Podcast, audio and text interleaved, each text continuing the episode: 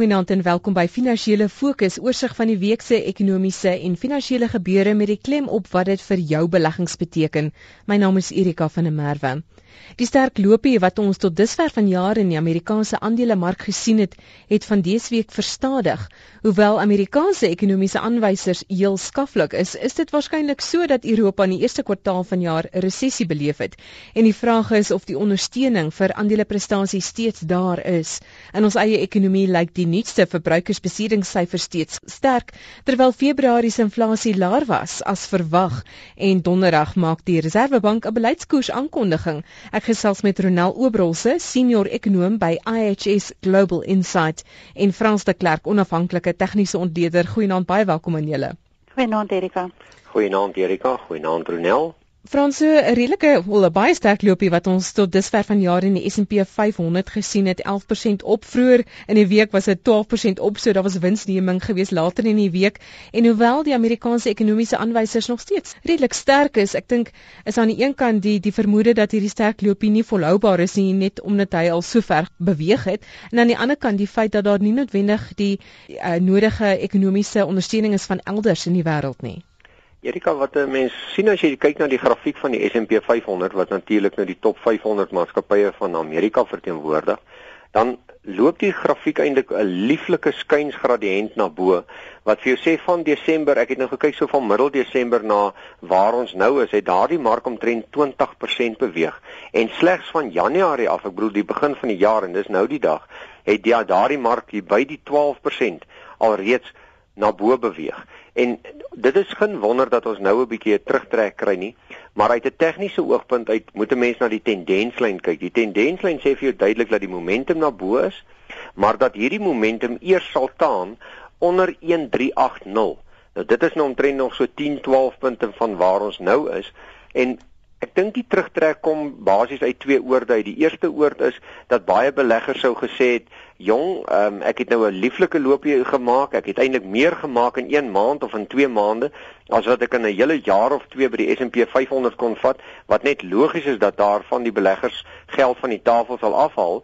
En die ander terugtrek kom uit die punt van China is beslis besig om tekens te gee dat hulle verswak, hulle ekonomie is besig om terug te trek en daarom raak die wêreld maar net so bietjie meer bekommerd en sê kom ons wees net meer versigtig want dit kan dalk net weer oorloop en Europa slegter maak en dalk weer later Amerika vat en daarom hierdie terugtrek. Ronald, wat wys jou navorsing oor wêreldekonomiese groei na veral China waarna Frans verwys het, daar is die vrese oor 'n moontlike sagte landing, so 'n bietjie stadiger groei, maar nie 'n diepe resessie nie en dan Europa wat die nuutste vervaardigingssyfers byvoorbeeld wys op 'n resessie in die eerste kwartaal. Ja, Erika, ek dink ons moet net altyd onthou dat China verstadig omdat hulle wil hê hy moet verstadig. Onthou hulle het geweldige likwiditeit in daai ekonomie ingepomp hier kort na die resessie so in 2008 en 2009 en dit het inflasiekoerse die hoogte laat inskiet. So hulle het gegaan en monetêre beleid verstram sodat die ekonomie kan verstadig. So die verstadiging is nie iets wat buite hulle beheer is nie, dis iets wat hulle konstrueer en in dieselfde asem omdat inflasie in China dan nou ook verlangsaam skep dit nou weer vir hulle spasie om daai monetêre beleid te verslap en of dan om fiskale stimulus te gee. So China is nie vir my so 'n groot probleem nie. Soos ek sê, dit is hulle is baie goeie bestuurders van hulle ekonomie en ek dink hulle sal sorg dat daar nie die sogenaamde harde landing in China gebeur nie. Europa, soos jy sê, ja, definitief 'n resessie daar. Ons moet onthou daar is 'n verskil tussen die noorde en die suide. Dis die suide wat geweldig swaar kry. Dis waar Griekeland en daardie lande is met hulle fiskale probleme, maar in die noorde het ons vir um, Duitsland en Frankryk waar dit relatief goed gaan. Dit lyk tog of of die ekonomie daar begin kop optel. Amerika, dieselfde storie, gaan heelwat beter daar as wat ons 'n rukkie terug verwag het. Die ekonomie is besig om kop op te tel. Daar is baie aktiwiteit in hulle vervaardigde sektor. Die verbruikers kan kan dalk nog 'n bietjie moeilikheid ondervind in die sin dat hulle het nog geweldige hoë skuldvlakke en daar is daar nog 'n ooraanbod van behuising.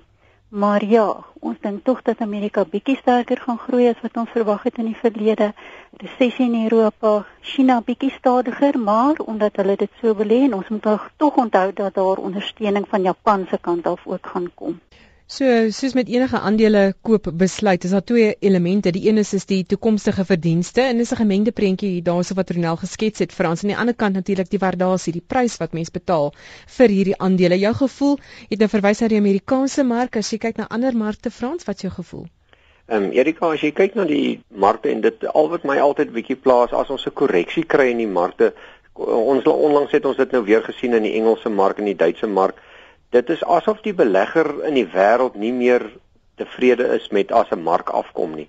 Want binne 'n dag of twee as die markte behoorlik teruggetrek het, dan sal jy baie gou sien dat hulle sê soveel miljarde euro is afgeskryf van pensioenfondsgeld en dit is nou 'n ramp. Maar min beleggers besef dat alle bates kan op 'n tyd korrigeer en dat daar niks snaaks daaraan is dat 'n bate ook 'n uh, herëvaluasie kan kry en dat 'n mark kan val nie. En mens moet baie keer versigtig wees uit 'n belegger se oogpunt uit dat jy nie in die struik trap om te sê dat as ek nou vandag 'n bate koop, al wat ek moet doen is ek moet maar net lank genoeg wag want dan sal die bate weer 'n splinter nuwe hoogtepunt maak. Nou ongelukkig werk dit nou baie lekker as jy 18 is en jy's 'n skatryk man wat op klare 'n goeie graad het en 'n wonderlike inkomste kry, dan werk daardie scenario baie goed. Maar wanneer jy ewe skielik 60 is en jy het nie meer 40 of 50 jaar wat jy kan wag om 'n belegging te laat gaan nie, dan sit jy in die dilemma waar ons nou sit en ons het al daaroor gepraat dat baie beleggers koop die mark of koop aandele dikwels hoër as die mark se gemiddeld van die prysverdienste. Daarom 'n goue reël uit 'n tegniese oogpunt uit altyd is om twee eenvoudige beginsels toe te pas. Eerstens, koop 'n aandeel of die mark as hy sê nou maar onder die mark se gemiddeld kan beweeg. Met ander kom ons sê jy koop 'n uh, British American Tobacco en sy prysverdienste is 'n 7 en die mark staan op 'n 11 dan koop jy 'n goeie koop. En die tweede punt is die dividend moet gewoonlik hoër wees as wat jy by geldmark kan kry. En as jy na daai twee goede kyk, dan sal jy sien dat in die plaaslike mark is daar nie meer verskriklik baie aandele wat daardie scenario vir jou gee nie. Ronald wisselkoersbewegings uh, weerspieël tot 'n groot mate die risiko-aptyd wat beleggers tans beleef. Die rand lyk nog redelik sterk. Het ons wel die onderliggende ondersteuning vir die rand om so goed te bly? Ons het in die kwartaalblad wat die 4de kwartaal syfers gee wat hierdie week gepubliseer is gesien dat ons lopende rekening tekort in die 4de kwartaal effe gekrimp het wat altyd positief is vir ons wisselkoers, maar ekonome reken dis nie volhoubaar nie.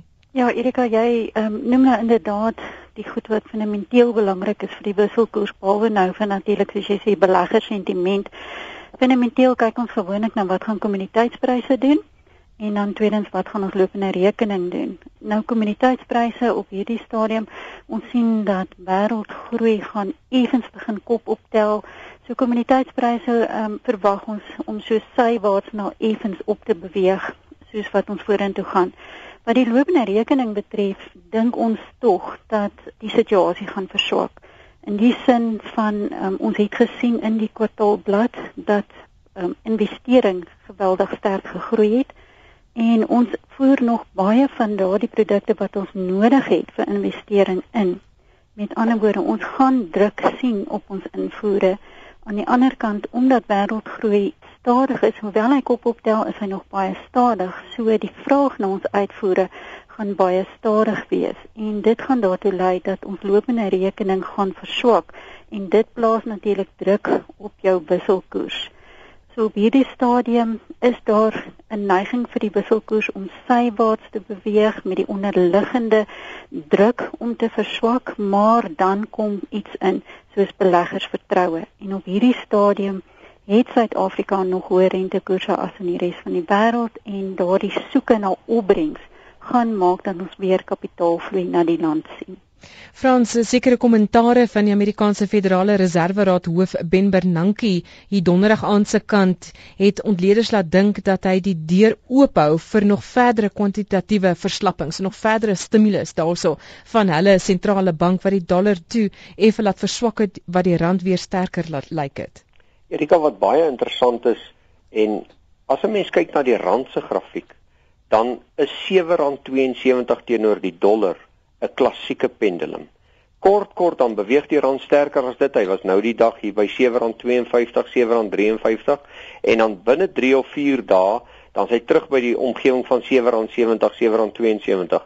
Maar as jy uit 'n langtermynperspektief kyk, dan sê dit vir jou die 200 dae bewegende gemiddelde wat selfs fundamentele beleggers in die markte gebruik, is omtrent hierso in die omgewing van R7.58, R7.60. En eers wanneer die rand bo daardie vlak gaan versterk, kan ons sê dat die mark of die rand 'n versterkende toekoms inwag. Andersins gaan hy meer verswakkend wees en dit is hoekom ek saam met Ronel stem, die druk gaan dalk later meer op die rand wees as op die versterkende kant.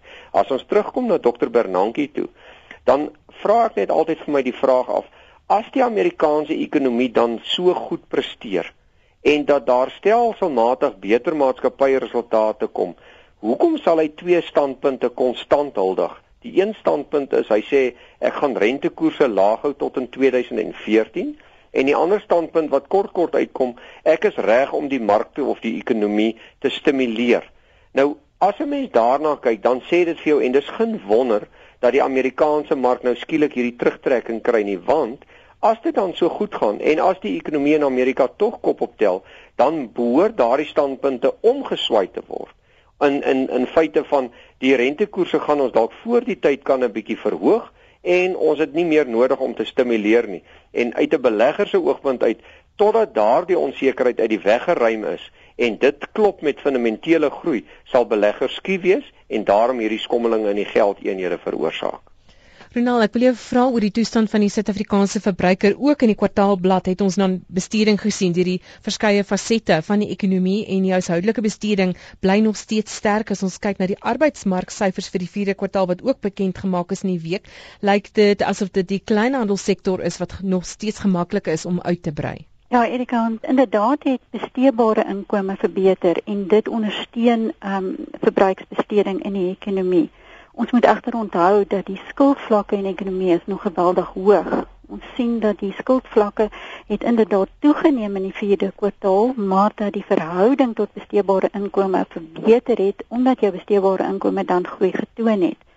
En daardie aspek gaan jou verbruiksbesteding beïnvloed in hierdie jaar vorentoe gaan.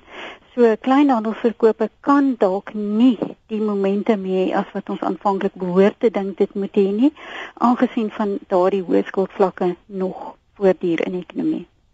Frans, wat beteken dit vir kleinhandelmaatskappye soos Shoprite en Massmart wat reeds baie duur lyk? Shoprite wat dan ook 'n kapitaalverkryging in die week aangekondig het van 8 miljard rand, 3.5 miljard rand waarvan 'n regte uitgifte is, met ander woorde nuwe aandele wat uitgereik word. Erika, wat interessant is is dat ons analiste en ek myself en baie tegniese analiste was totaal verkeerd.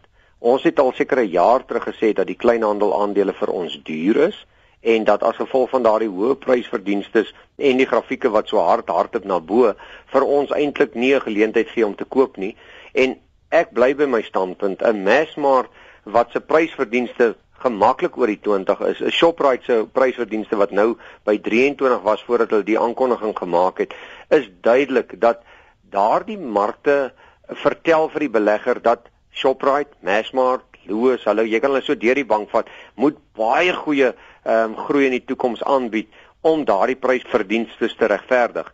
En daarom is daar 'n baie lekker les vir beleggers. Ja, as jy Shoprite ge, gekoop het baie lank terug en het 'n lieflike loopie gehad, en jy het daardie loopie benut is ons almal bly daaroor maar wat gebeur beleggers trap in die struik om permanent aandele te koop wat hoër hoogtes maak en toe Shoprite met 'n prysverdienste van 23 sit glo ek was daar baie beleggers wat hier by R125 lustig gekoop het in die aandeel en toe die aankondiging kom toe val die aandeel met 7% so wat is die les die les is koop 'n aandeel wanneer die prysverdienste vir jou gunstig is en as jy te laat op die wa wil klim klim eerder af en los die wa laat hy verbyry. Ronel, ons sien donderdag 'n rentekoers besluit deur die Reserwebank. Jou verwagtinge? Erika, ek dink hulle gaan weer onveranderd laat. Die hoofrede daar is dat daar is geen rede van die inflasie se kant af op hierdie stadium om rentekoerse te verhoog nie. En daar is nog 'n bietjie kommer oor die groei soos wat ek reg op opgemerk het dat ons dink dat groei um, 'n um, bietjie gaan stadiger wees hierdie jaar as gevolg van die feit dat ons uitvoere 'n bietjie onder druk gaan wees en dat die privaat verbruiksbesteding dalk nie so vinnig gaan groei wat ons dit graag wou sien nie. Wat wel positief is in die ekonomie is natuurlik die kop optel van die investeringskant af maar desnieteenstaande inflasie sien ons terugbeweeg na die teikenband, hoewel daar risiko's aan die bokant is en um, dit gaan veroorsaak dat die rentekoerse onveranderd bly. Frans net om hier af te sluit dan, hoe lyk goud vir jou? Ek sien hy, hy trek 'n bietjie terug. Erika, dit is baie eenvoudig. Goud se steenlyn lê by 1630 en ons plaaslike goudaandele is in die laaste 6-7 weke basies tussen 20 en 24% afverkoop. Hoekom? Omdat die rand sterk was en die goudprys teruggekom het en ek dink ons kan 'n kortstondige loopie in goud kry wat dalk so na 8 na 10% na bo kan wees. Frans en Ronel baie dankie. Frans de Klerk is 'n onafhanklike tegniese ontleder. Ronel Oberholse is 'n senior ekonom by IHS Global Insight. My naam is Erika van der Merwe. Dankie dat jy saamgekuier het. Volgende Sondag aand 20 voor 9 is ons weer hier so. Geseënde week vorentoe. Totsiens.